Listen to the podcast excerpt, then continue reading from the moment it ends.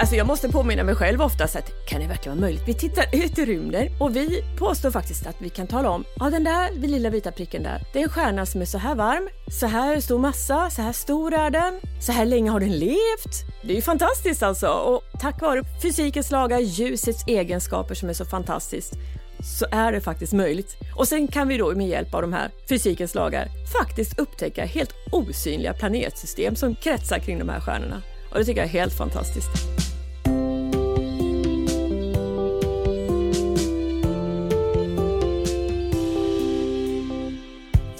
Universum växer. Dels för att rymden faktiskt blir större. Den blir till och med större snabbare och snabbare, en upptäckt som belönades med Nobelpriset i fysik 2011. Men universum växer också på ett annat sätt. Länge så kände vi människor inte till några andra planeter än de som kretsar kring vår sol. Och även om vi kunde drömma om att det fanns andra världar så visste vi ingenting om det. Kanske fanns det massor av planeter, kanske var vi helt unika.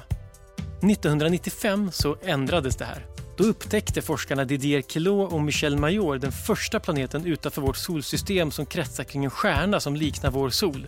Det är första tecknet på att det finns andra solsystem i rymden. Världen växte.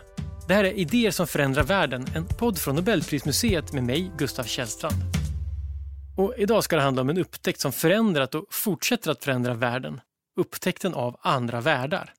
För att berätta mer om de här nya planeterna som kallas exoplaneter har vi med oss planetforskaren Karina Persson.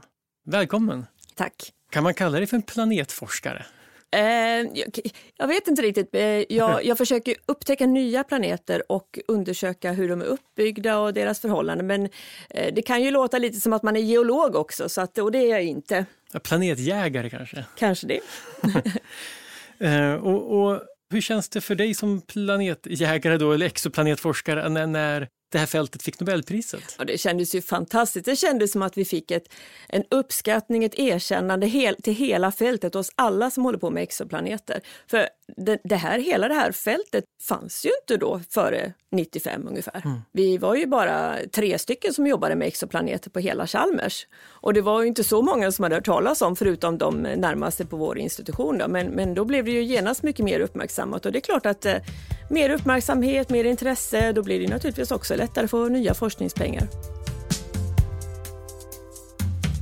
Karina Persson är astrofysiker och forskar om exoplaneter vid Chalmers, där hon leder Chalmers exoplanetgrupp. Hon har forskat om hur så kallade fria planeter, alltså planeter som inte kretsar kring en stjärna, bildas. Och tillsammans med sin forskargrupp studerar hon data från rymdteleskop som finns uppe i rymden nu, men planerar också för det nya rymdteleskopet Plato som den europeiska rymdorganisationen ESA planerar att skjuta upp 2026. En exoplanet är en planet som kretsar kring en annan stjärna som inte är solen. Alltså. Våran mm. sol det är ju en stjärna. Och det finns ju i vår egen galax finns det flera hundra miljarder stjärnor. Och då var ju frågan då länge, det vore ju rimligt att alla stjärnor eller många stjärnor skulle kunna ha planeter. Men man vill ju gärna veta, man vill gärna ha bevis för att så var fallet. Och det fick man ju alltså inte för sig i början av 90-talet. Och varför trodde man att det skulle finnas? Är det för att när stjärnor bildas så borde det bildas planeter? Ja, absolut. Mm. Och, och sen är det också, är vi unika. Jag menar, är det någonting speciellt med vår stjärna, vår sol. Mm. Eh, jag menar, särskiljer vi oss så, sådant från alla andra hundratals miljarder stjärnor i vår galax. Så att inte en enda en av de andra skulle kunna ha planeter. Och, och stjärnbildningsmodeller så, eh, liksom förutspådde också att det borde vara lätt eh, att bilda planeter. Alltså, men hur många exoplaneter, för det här 1995 hittade man en och det, ja, det är inte så många. Men, Nej, men, men, men, om man vet att det finns kring våran stjärna ja. och en annan stjärna, då ja. tänker man så då måste det finnas Förmodligen, det var osannolikt att det bara finns runt två stjärnor, nästan ja, ännu konstigare ja, än ja, ja, men precis. Ja, men exakt. För grejen är att i början då så, så var det liksom att man ville bevisa att det finns planeter runt andra stjärnor. Och då mm. hittar man en och snart hittade man fler. Nästa steg var ju att hitta öka på det här antalet och få lite statistik. Ja, det finns planeter runt ännu fler stjärnor, runt olika typer av stjärnor mm. och olika miljöer och så. Men sen nästa steg som vi är i nu, det är mer att vi vill inte bara veta att de finns och hur många de finns och lite var de finns, utan hur de är uppbyggda. Mm. Men är det gasjättar, isplaneter, jordlika planeter, hur, hur nära de sina stjärnor och så vidare. Och det är den fasen vi är i nu, för det är oerhört svårt Man kan ju tänka sig att de här planeterna, de är osynliga för, våra, för ljus. Vi kan inte se dem med blotta ögat. Så de är liksom osynliga, så vi tar till smarta upptäcktsmetoder helt enkelt. Ja. Det finns flera hundra miljarder stjärnor i vår galax. Mm. Vi kan bara se några tusen med blotta ögat från jorden. Bara det säger någonting om att hur svårt det är att se stjärnor som, som lyser så starkt. De är ju väldigt ljusstarka. Men problemet är att de är så långt bort. De Mm. blir för ljussvaga. Dessutom så finns det stoff och moln i, i galaxen mellan oss och stjärnorna så att deras ljus försvinner. Men de här planeterna, de kan vara flera miljarder gånger ljussvagare än stjärnorna. Så de kommer ju drunkna i stjärnor, så är de väldigt nära sin stjärna. Så deras ljus drunknar ju helt, försvinner ju helt. I Alltså, de lyser ju inte själva planeterna. Ja, ja de, eller? lyser men de lyser i infrarött. Aha. Och, men i synligt ljus kan de också så att säga lysa men det är reflekterat ljus från stjärnan. Mm. Men det är många miljarder gånger ljussvagare då än, än stjärnans ljus. Men planeter kan alltså lysa med infrarött ljus också? De lyser också i infrarött ljus. Ja, jorden det också? Ja, Aha. Varför beror det på värmen? ja men precis. Ja. Wow. Men, men det, det är ändå väldigt, väldigt svagt ljus. jag och, så att, det- så Ja, det är jämfört med stjärna så är det inte Ja, men precis. Det är väldigt svårt. Så att eh, det kräver väldigt mycket av instrumenten man... man eh, men man, man kan faktiskt ta bilder i infrarött ljus till exempel Mm. av planeter, men då måste de vara väldigt stora och på stora avstånd från sin stjärna. Mm. För då kan man liksom blockera stjärnans ljus och så får man eh, svaga signaler då från de här eh, planeterna. Men då är de väldigt stora och på långt, ba- jag menar, långt ut i ytterkanten av vårt eget planetsystem om det hade funnits en jättestor planet där. Men Så. då måste man nästan veta vad man letar efter för att hitta dem kanske. Ja, det, det är ju det här som är problemet. det är problemet. Ja, men när man letar efter man tittar, okej, vi har massor av stjärnor och nu letar vi efter planeter. Och var ska vi titta? Mm. Ja, hur gör man? 2019 fick alltså Michel Major och Didier Queloz fysikpriset för upptäckten av en exoplanet i en bana kring en solliknande stjärna. När de gjorde upptäckten så var Queloz doktorand hos Major i Frankrike och han förfinade de apparater för mätning som Major hade använt under flera år. Tack vare ny teknik lyckades de förbättra de här instrumenten och våren 1994 började de göra mer detaljerade mätningar och hoppades att de förr eller senare skulle lyckas hitta en planet. Men det gick fortare än de hade vågat hoppas. Sommaren 1995 var Major i USA på en forskningsresa när Kelo kontaktade honom och sa att han trodde att de hade hittat något. Major har i efterhand berättat att han inte trodde att de hade gjort det, men sa åt Kelo att fortsätta analysera resultaten för att inte göra sin doktorand besviken. Men när han några veckor senare kom tillbaka till observatoriet insåg han att Kelo hade rätt och öppnade omedelbart en flaska champagne. De hade upptäckt den första exoplaneten kring en solliknande stjärna. Ett par år tidigare hade faktiskt en exoplanet kring en pulsar upptäckts. Men det var upptäckten att solliknande stjärnor kan ha planeter omkring sig som kom att innebära det stora genombrottet för planetforskningen och som fick Nobelpriset. En av de två mest framgångsrika metoderna Mm. användes för att upptäcka den första exoplaneten. Den kallas för eh, radialhastighetsmetoden. Det bygger på det faktum att en planet kretsar inte kring en stjärna som står still. Så att jorden liksom snurrar runt solen, men solen är liksom inte still där i centrum. Utan solen och jorden, eller en stjärna och planeterna, snurrar kring sitt gemensamma masscentrum. Man kan säga det så här att, att en, en planet som snurrar runt en stjärna kan dra lite i stjärnan som får stjärnan att gunga lite fram och tillbaka. Så, som att jag har ett rep med, med, med, med en boll eller någonting och så snurrar jag runt den liksom. Och, och, och då känner man ju att då får man, den drar i mig. Så om man tittar på en stjärna som har planeter som snurrar runt den så kan man se att den gungar lite fram och tillbaka i vår siktlinje. Och den här lilla gungningen beror då på hur stor massa planeten har och hur nära den är sin stjärna. Ju mer massiv, alltså man, man skulle ha Jupiter jättenära våran eh, sol, så skulle solen gunga mycket mer än, än om där Jupiter är nu. Och sen kan det ju vara komplicerat för det kan ju vara ett planetsystem med många planeter naturligtvis och då blir det väldigt komplicerat att försöka reda ut det här vad, vad som är vad. Men det var med den här metoden man upptäckte den första planeten och den här metoden ger alltså planetens massa. Så att de upptäckte alltså en stjärna som inte stod stilla som skulle. Ja men precis, den gungar lite fram och tillbaka i Ja. siktlinjen. De, för det verkar, principen är ju ganska enkel ändå. Ja, ja, Alltså, absolut. Och så mäter man bara hur mycket den rör sig, då kan man räkna Ja. ut. Och så ser en massa då. Alltså ungefär hur tung planeten som kretsar är.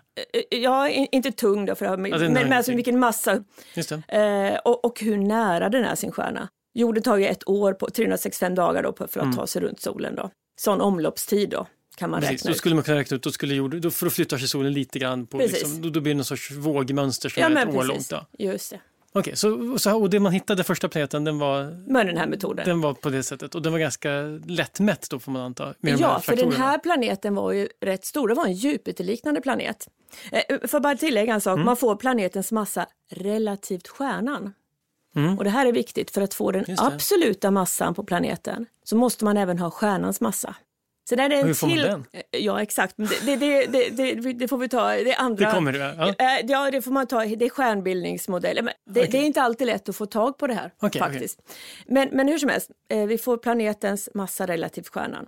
Men en sak till som krävs för att man ska få den absoluta massan från den här metoden, det är att man måste veta inklinationen av banplanet, alltså hur mycket banplanet lutar i förhållande till siktlinjen kan man säga. För det här lutningen av det här banplanet förändrar ju liksom styrkan på signalen liksom. Så vi kan inte få en exakt massa, vi måste även ha den här lutningen och det kan vi inte få med den här metoden. Mhm. Det kan man få med andra metoder. Så här är det lite gissning då med andra ord? Ja, men man, man får en gräns på, på planetmassan helt enkelt. Okej. Mm. Som, vad som gjorde att det var så enorm upptäckt, det var ju inte bara att det var den första exoplaneten utan att det var en helt ny typ av planet som inte finns i vårt eget planetsystem. Och det här gjorde också att många forskare tvivlade verkligen på att det var en planet först. För det här skulle alltså vara en Jupiterliknande planet som var så nära sin stjärna så att ett år för den planeten bara är fyra dygn. Det är väldigt nära. Och då, Det- är många som, nej det är inte möjligt trodde många, det, det, det kan inte vara sant, det måste vara någonting annat som har påverkat de här observationerna, det, det kan inte vara en planet. För det är mycket närmare. Är Merkurius är närmast solen Ja. i vårt solsystem? Och det är, Det är typ tre månader. Tre månader, Ja, typ.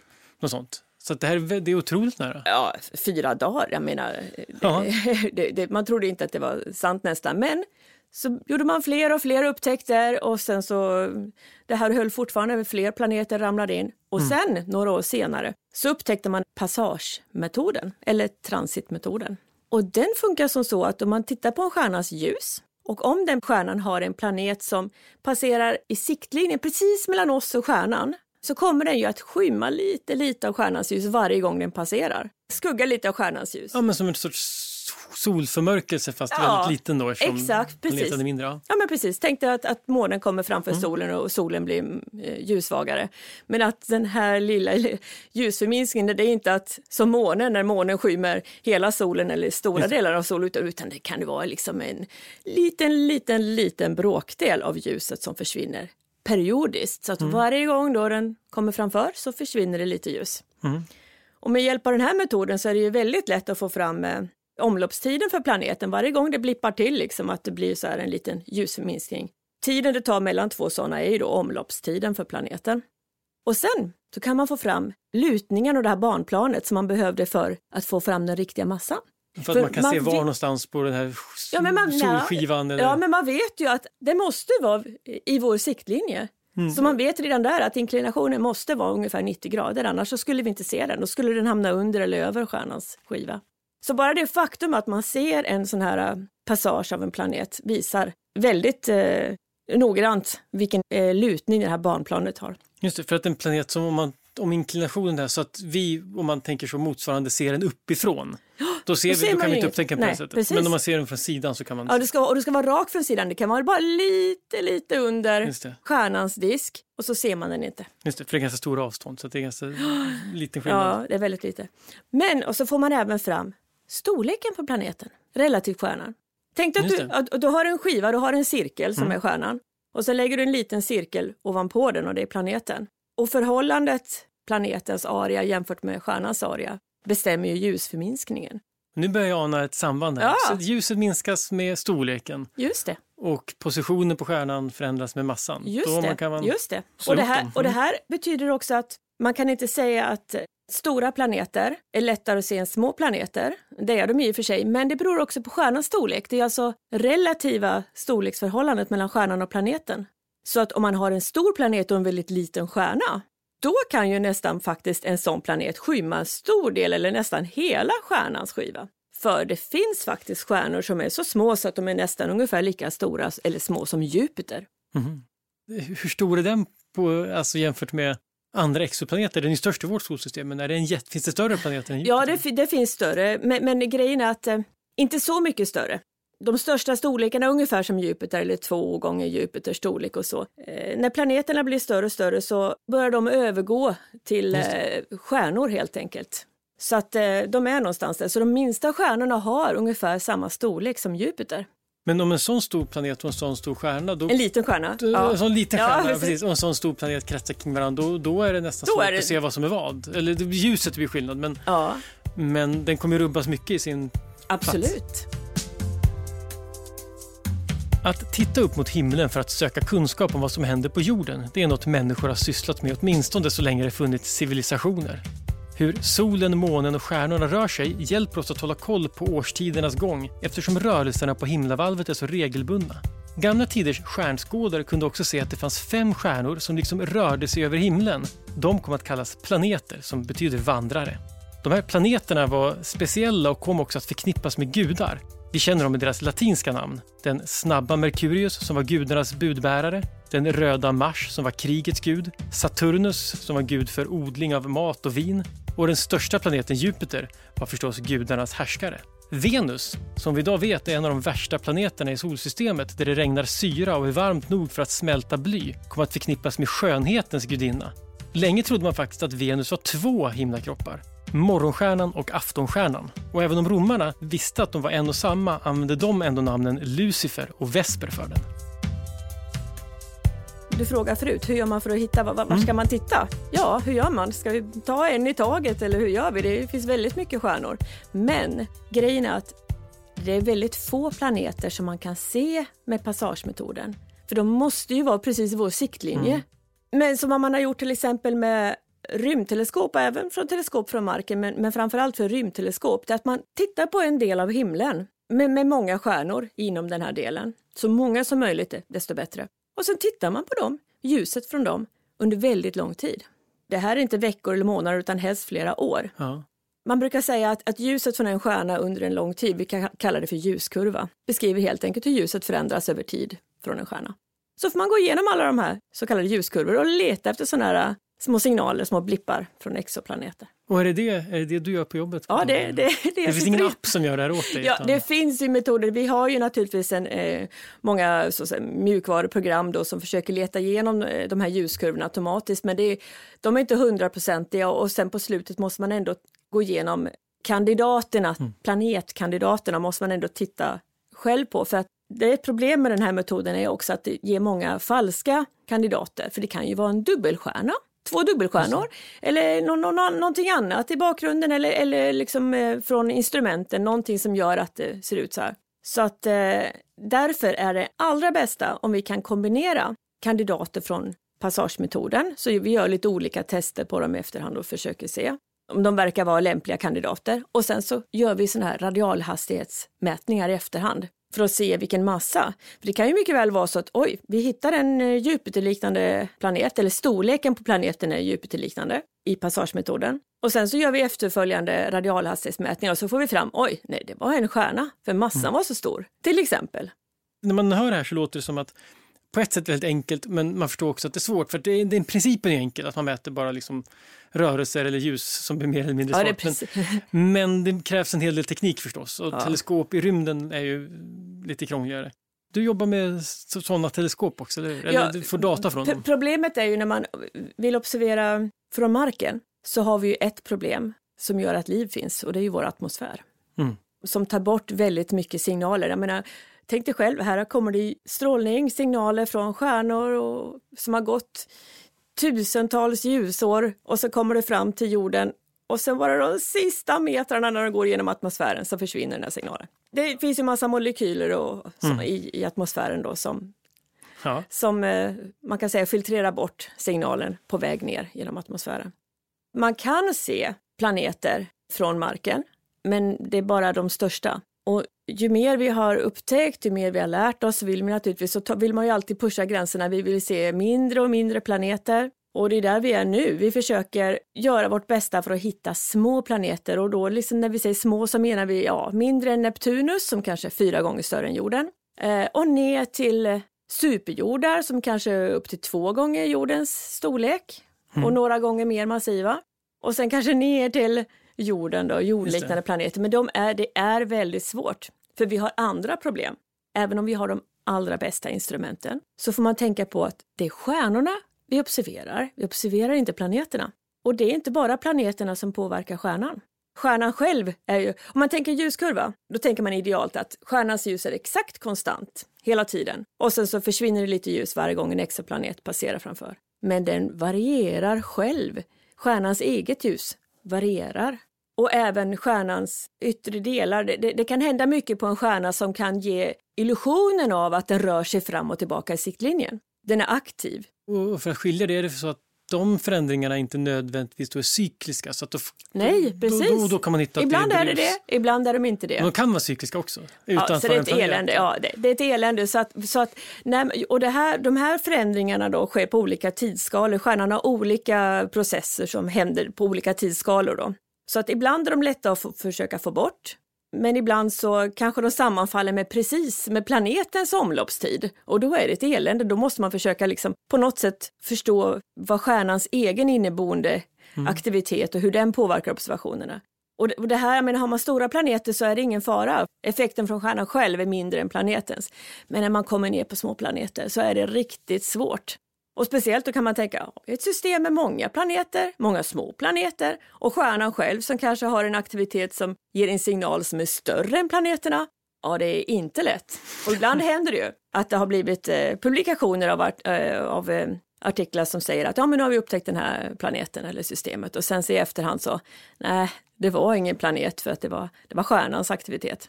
Just det, för man skulle tänka sig att det lättaste skulle vara att man bara valde ut några stjärnor som man visste inte hade planeter omkring sig och tittade och fick ordentlig statistik på stjärnor. Men jo, det vet jo, man inte vilka det jo, är jo, då. Men, ja, men exakt. Men, men, men det är faktiskt ett, ett av de sätten som man försöker bestämma stjärnors massor på, ja. att, man, att man har dubbelstjärnor. Ja, och de kan man faktiskt okay, väldigt lätt bestämma deras massor på. Och har man många stjärnor, då får man liksom ha lite statistik, att de har vissa förhållanden, storleken och massan och deras yttemperaturer har vissa förhållanden då som man statistiskt sett kan eh, använda för att bestämma massan på en annan stjärna som man kanske bara vet yttemperaturen på eller någonting sånt. Men, men samtidigt är det ju svårt för man vet ju inte det stämmer det för exakt den här stjärnan? Mm. Alla stjärnor är lite olika så att ja, ja, men det är bra. Man får en ganska tydlig bild av att det inte, som sagt, principen kan låta enkel men det är det finns en hel del både avancerad teknik och rätt klurig beräkningar som Men, sker. Alltså jag måste påminna mig själv ofta så att kan det verkligen vara möjligt? Vi tittar ut i rymden och vi påstår faktiskt att vi kan tala om, ja den där lilla vita pricken där, det är en stjärna som är så här varm, så här stor massa, så här stor är den, så här länge har den levt, det är ju fantastiskt alltså och tack vare fysikens lagar, ljusets egenskaper som är så fantastiskt så är det faktiskt möjligt. Och sen kan vi då med hjälp av de här fysikens lagar faktiskt upptäcka helt osynliga planetsystem som kretsar kring de här stjärnorna. Och det tycker jag är helt fantastiskt.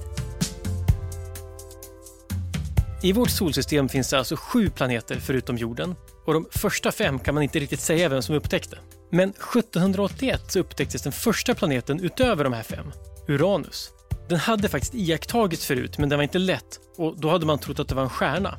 Det var först 1781 som den brittiska astronomen John Herschel kunde visa att det faktiskt var en planet. Men tack vare att man vid det här laget förstod hur gravitationen fungerade kunde astronomerna också räkna ut att Uranus bana runt solen inte bara påverkades av solens dragningskraft. Det måste också finnas en till planet utanför den. Och I början av 1800-talet lyckades två matematiker räkna ut exakt var planeten borde befinna sig.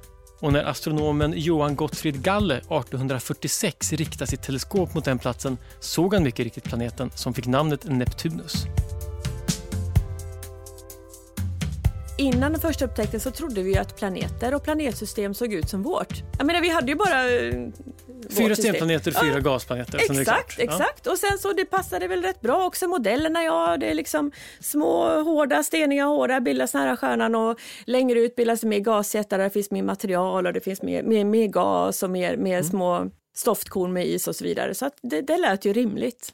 Och sen så plötsligt så när man upptäcker den första planeten så kullkastas ju allt. Vad är det här? Det kan inte vara möjligt. Och inte nog med det. Sen hittar vi ju snart ännu fler nya typer av planeter som inte finns i vårt system. Till exempel sådana här superjordar. Och superjord, vad, vad, betyder det? Det låter ja, ju väldigt det, bra. Det, ja, vill man ju bo på. Ja, ja, Den här tråkiga jorden vi bor på, men man bor på superjord istället. Ja, du tolkar det så. Ja. nej, nej, det är helt enkelt bara en benämning på en planet som är lite större, kanske upp till två gånger jordens storlek och lite mer massiv. Men frågan är, är de som jorden fast bara lite större? Jag menar alltså steniga och hårda mm. eller är det någon sorts eh, isplaneter eller liksom hur, ja, vi vet inte än.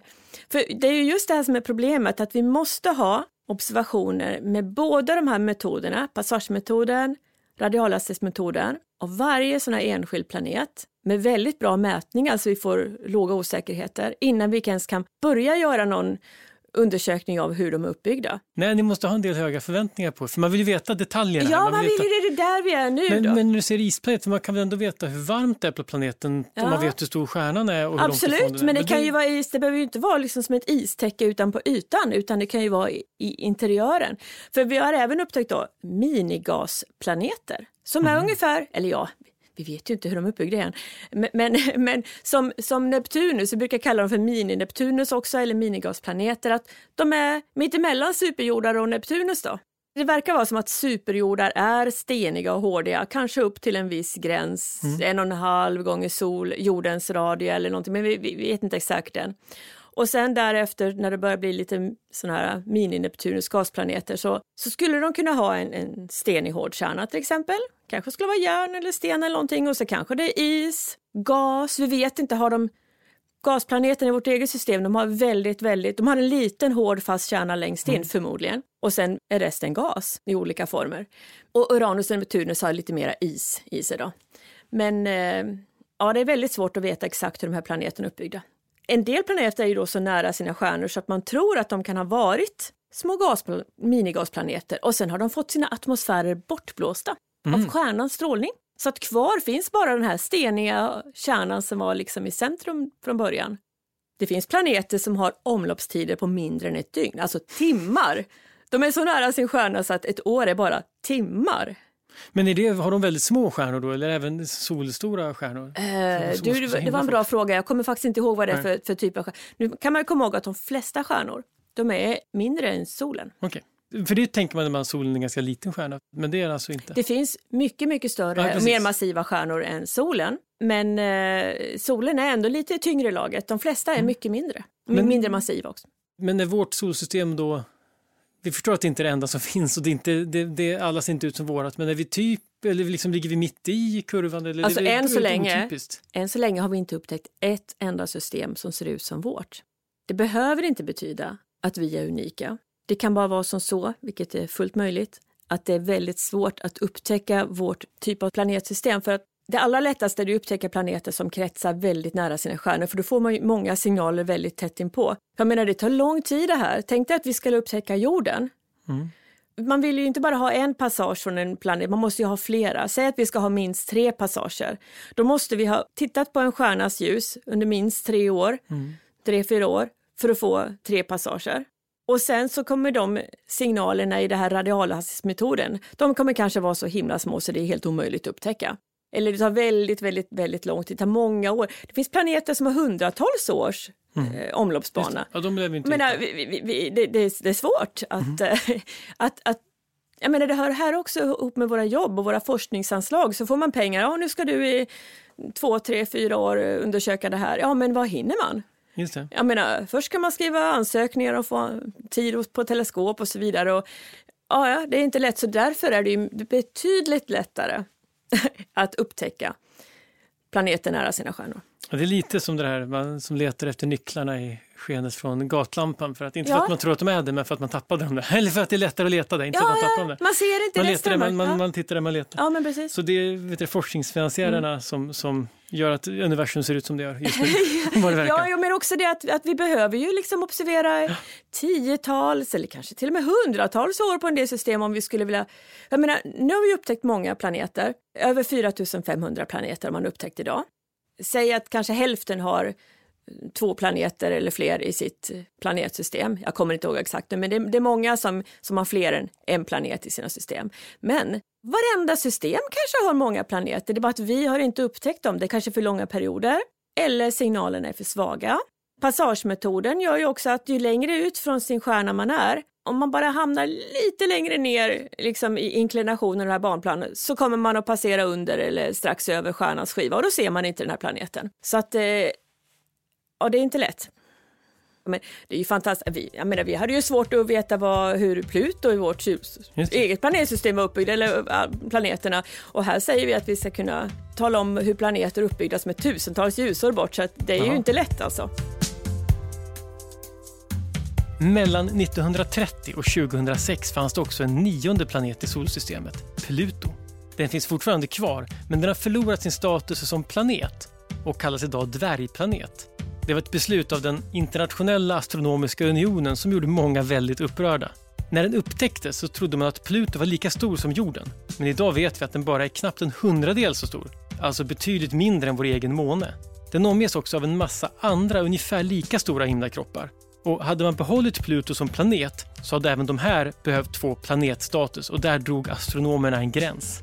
Men tack vare Major, Kelo och alla andra exoplanetforskare så har vi nu ändå tusentals nya planeter att studera och lära oss att tycka om. Det verkar ju som eh, man har gjort statistik på det här att eh, varje stjärna har minst en eller fler planeter. Och det finns, hur många stjärnor finns det? Ja, flera hundra miljarder i vår egen galax. Finns det, och så finns det några hundra miljarder galaxer? Eller ja, ja, men precis. Ja i vårt syn, synliga universum. Just det, så det, det, finns förmodligen väldigt många planeter. planeter. Sen ska vi inte glömma det. Det finns även planeter som susar runt mellan stjärnorna. Fria planeter. Ja, just det, för planeter inte alltid, de sitter inte alltid, de stannar inte där de ska alltid. Nej, för det är det som är grejen, att när, när den första planeten då, eh, som fick Nobelpriset upptäcktes mm. så tänkte man, hur kom den här... Problemet med en så här stor planet, så nära sin stjärna, att den kan inte bildas. Den, den kan inte bildas, den kan inte vara där. Men ändå, den var ju där. Så det måste förklaras på något sätt. Då när man började gå tillbaka till de här planetbildningsmodellerna så har man då upptäckt att planeter, när de bildas tillsammans med sin stjärna i liksom ett, ett stort, från ett stort gasmoln, stoft och gasmoln som virvlar runt och i centrum bildas stjärnan och i den här skivans disk så bildar planeterna då. Men de är inte kvar exakt där de bildas utan de flyttar ju på sig, de rör sig i början där de bildas. Så att planeter, stora planeter som bildas långt ut i ett planetsystem kan röra sig inåt eller utåt. Problemet är kanske inte att få dem att röra sig inåt utan att få dem att stanna så att de inte blir uppslukade av stjärnan, för det händer ju också. Ja, den som stannar på fyra dagars avstånd, ja, den har stannat den, den, precis ja, precis. sista men, sekund. Men det finns även planeter som i det här så att säga släpp, gravitationella loss. kaoset här, när gravitationens påverkan och saker rör på sig i början. En del kastas ut från sitt planetsystem. Det är på något sätt häftigt men också nästan skräckinjagande att det flyger runt planeter. Och i vårt eget planetsystem har förmodligen planeterna vandrat runt lite och bytt plats.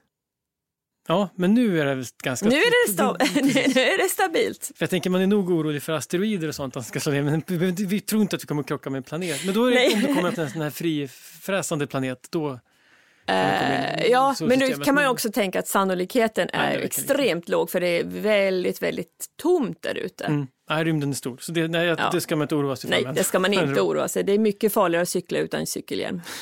Okej, okay, men, men det är ändå de planeterna har man hur vet man att de finns förresten? Har man hittat sådana eller eh, har man räknat ut att de finns? Ja, jo, men man har hittat eh, signaler med en annan metod som kallas för gravitationell lensing. Som, som man kan se ljus från bakomliggande stjärnor som plötsligt ökar och så är det liksom en, en massiv kropp i siktlinje som har gjort att ljuset har böjts och liksom blivit förstärkt. Tyvärr kan man inte återupprepa de här observationerna men, men med sådana här metoder så har man ju sett att det finns sådana här. Mm. Och sen så har, man, har vi även haft projekt där vi har observerat sådana här små molekylmoln där stjärnor bildas. Men de här molnen, vissa av dem är så små så att massan de innehåller är mindre än en stjärnmassa. Mm. Så att det kanske bara är några hundra Jupitermassor, det kan inte bli en stjärna. Och om de kollapsar då och bildar ett objekt så blir det inte en stjärna. Då kan det till och med bildas en, en så att säga friflytande planet på egen hand. Så att ja. eh, det är mycket sånt som eh, forskning som pågår. Det är mycket som pågår ute i rymden helt enkelt. Ja, ja det är det. Men vi måste ju förstås också komma in på, jag tror att det som man liksom tänker på då när man tänker på de andra världarna, det är ju frågan då om det finns liv på dem. Ja, men precis. Och det vill man ju veta förstås. Eh, men det vet vi inte. Nej. Hur gör man för att ta reda på om det finns liv? Än så länge vet vi knappt hur stora planeterna är, men vad är liksom nästa steg? Ja, det finns ju de som sitter och, och, och lyssnar helt enkelt på andra civilisationer, intelligenta civilisationer som kanske sänder ut signaler. Det är eh, SETI-projektet, ja, att man lyssnar. Och jag tänker att nej, jag känner inte att jag vill eh, göra det, för det, det kanske aldrig, förmodligen i min livstid kanske vi inte får svar någonsin. Så jag tänker så här att jag, jag vill forska först med att försöka upptäcka och eh, undersöka om det ens finns planeter som vi tror är lämpliga för att liv ska uppstå. Jorden finns ju. Vi vet ju att jorden är lämplig för liv i alla fall. Här har det i alla fall hänt. Mm. Och då tänker man sig, okej, okay, en solliknande stjärna och en planet som jorden på vårt avstånd, våran storlek, våran massa och så vidare skulle kunna vara lämplig för liv. Men det är andra saker också som man, man uh, diskuterar som, som man är oense om också. Till exempel att vi har en så stor måne. Mm. Har det betydelse för livets uppkomst i och med att den kanske stabiliserar jordaxelns lutning och att den inte... För om jordaxelns lutning skulle variera mycket så skulle kanske klimatet också variera och, och det är ju inte bra för livet om klimatet skulle variera från istid till växthus mm. fram och tillbaka hela tiden. Eller att eh, man har en atmosfär är ju otroligt viktigt. Man tror att även att en planet är geologiskt aktiv, att det är också väldigt viktigt för liv. Så att det inte bara är en död stenklump som mm. susar runt. Magnetfält, att det kan också vara väldigt viktigt. Så det finns, det finns väldigt många saker som kan påverka mer än bara liksom en planets storlek och avstånd från en lämplig stjärna. Ja, precis, för att vi är ju ja. nytta magnetfält för det hjälper mot strålning. Ja, men precis. Och det här geologiskt ja. aktiva, det så ja. vulkaner och det påverkar atmosfären. Ja, ja. Och, och, men kan växthusgaser och allt sånt där. Tänka sig också varifrån kommer vår atmosfär? Var, varifrån kommer vårt vatten? Mm. Man måste ju för ett liv som vi känner det, kolbaserat liv, då behöver vi ju kol och andra viktiga grundämnen och vatten som lösningsmedel. Mm. Var har vatten kommit ifrån? Har alla planeter vatten på ytan? Jag menar, det är ju långt ifrån självklart. Jag menar, Mars har det inte. Men man tror det verkar som att det har funnits flytande vatten på Mars för länge sedan. Kan ha funnits flytande vatten på Venus. Men de här två planeterna som är inte så långt bort från oss och speciellt Venus som är nästan lika stor som oss, mm. som ju ofta kallas för jordens tvilling, har ju helt andra förhållanden. Skulle vi upptäckt en Venus runt en annan stjärna så skulle vi sagt wow, det här är en beboelig planet. Här, här, skulle det kunna finnas liv. Men det vet vi att det är verkligen inte lämpligt på Venus där det är hundratals grader varmt. Och det, det regnar syra. Ja, men precis. Så det är inte, och atmosfären är så tät så att den är nästan hundra gånger tätare än på jorden. Aha. Det är inte lämpligt för liv där. Ja, det kom ju en artikel för ett tag eller, eller en pres, några som hävdade att det skulle kunna finnas sån här... Fosfin i ja, atmosfären precis, som skulle kunna vara spår av eh, ja. mikrobiellt liv.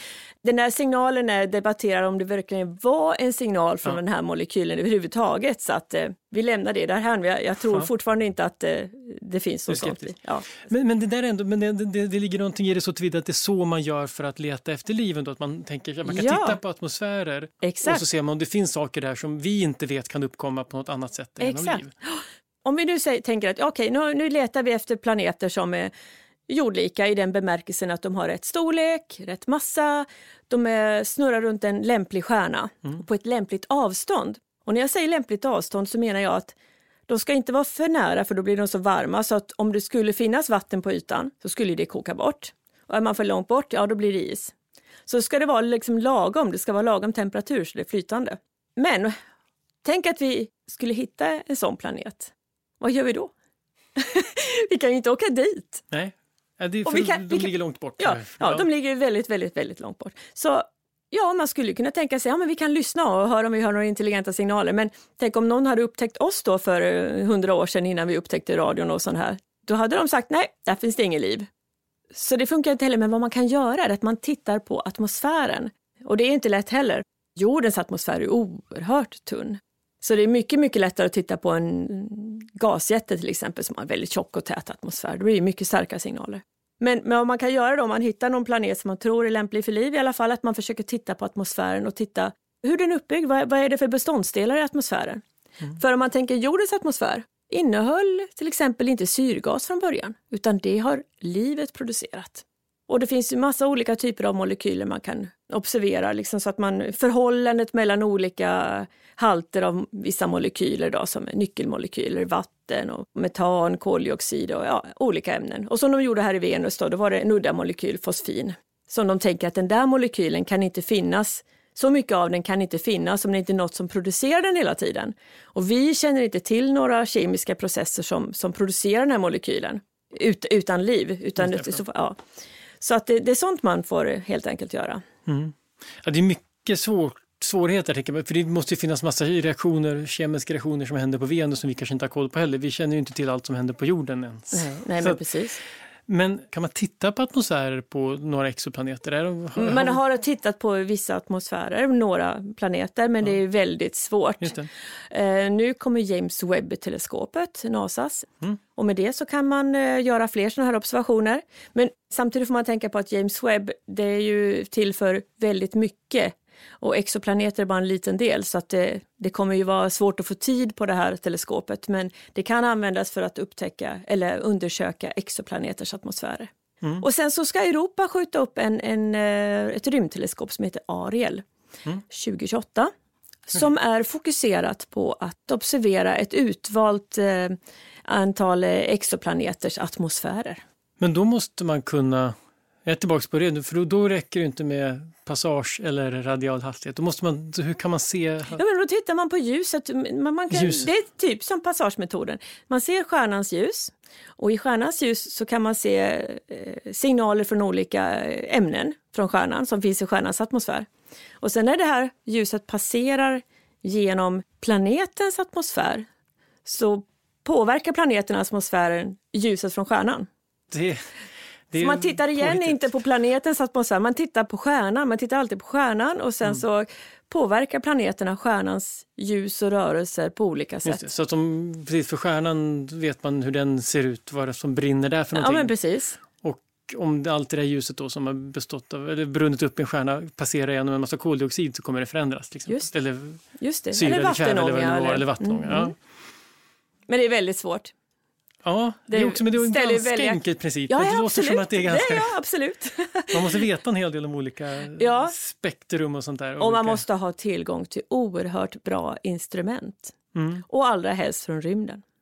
Alltså, och det är väl två saker man vill veta på det. Dels om det finns planeter som har liv och sen om det finns planeter man skulle kunna flytta till eller f- skapa liv på. Eller är det någonting man tänker på som forskare, att man skulle kunna åka dit och bosätta sig? Alltså jag vet inte om Ja, det är inte praktiskt förstås. men- Nej, men alltså, på ett sätt ty- tycker jag det är lite irriterande att vi inte pratar mer om eh, lite längre perspektiv i människans, eh, alltså i framtiden. Mm. Vi, vi pratar bara om till nästa val eller några år framåt. Är vi riktigt fräcka så pratar vi om 15, 20, 50 år framåt. Men om man tänker sig människans överlevnad på sikt, vi kan bara leva här på jorden en miljard år till ungefär. Sen blir det för... Någon miljard. Ja. år. Sen kommer solens strålning ha ökat så pass mycket så att ja, vattnet börjar koka bort. Mm. Vi måste flytta.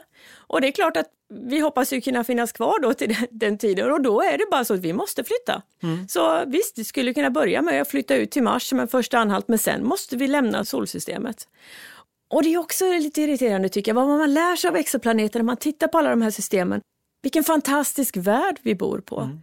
Hur unik ändå jorden är. Här finns det liv, här finns det flytande vatten på ytan av en planet. Här har vi liv, växter, djur. Och det tog 4,5 miljard år att komma så här långt. Och och så, det är också lite sammanträffande. Det tog 4,5 miljard år för oss att utveckla livet till idag.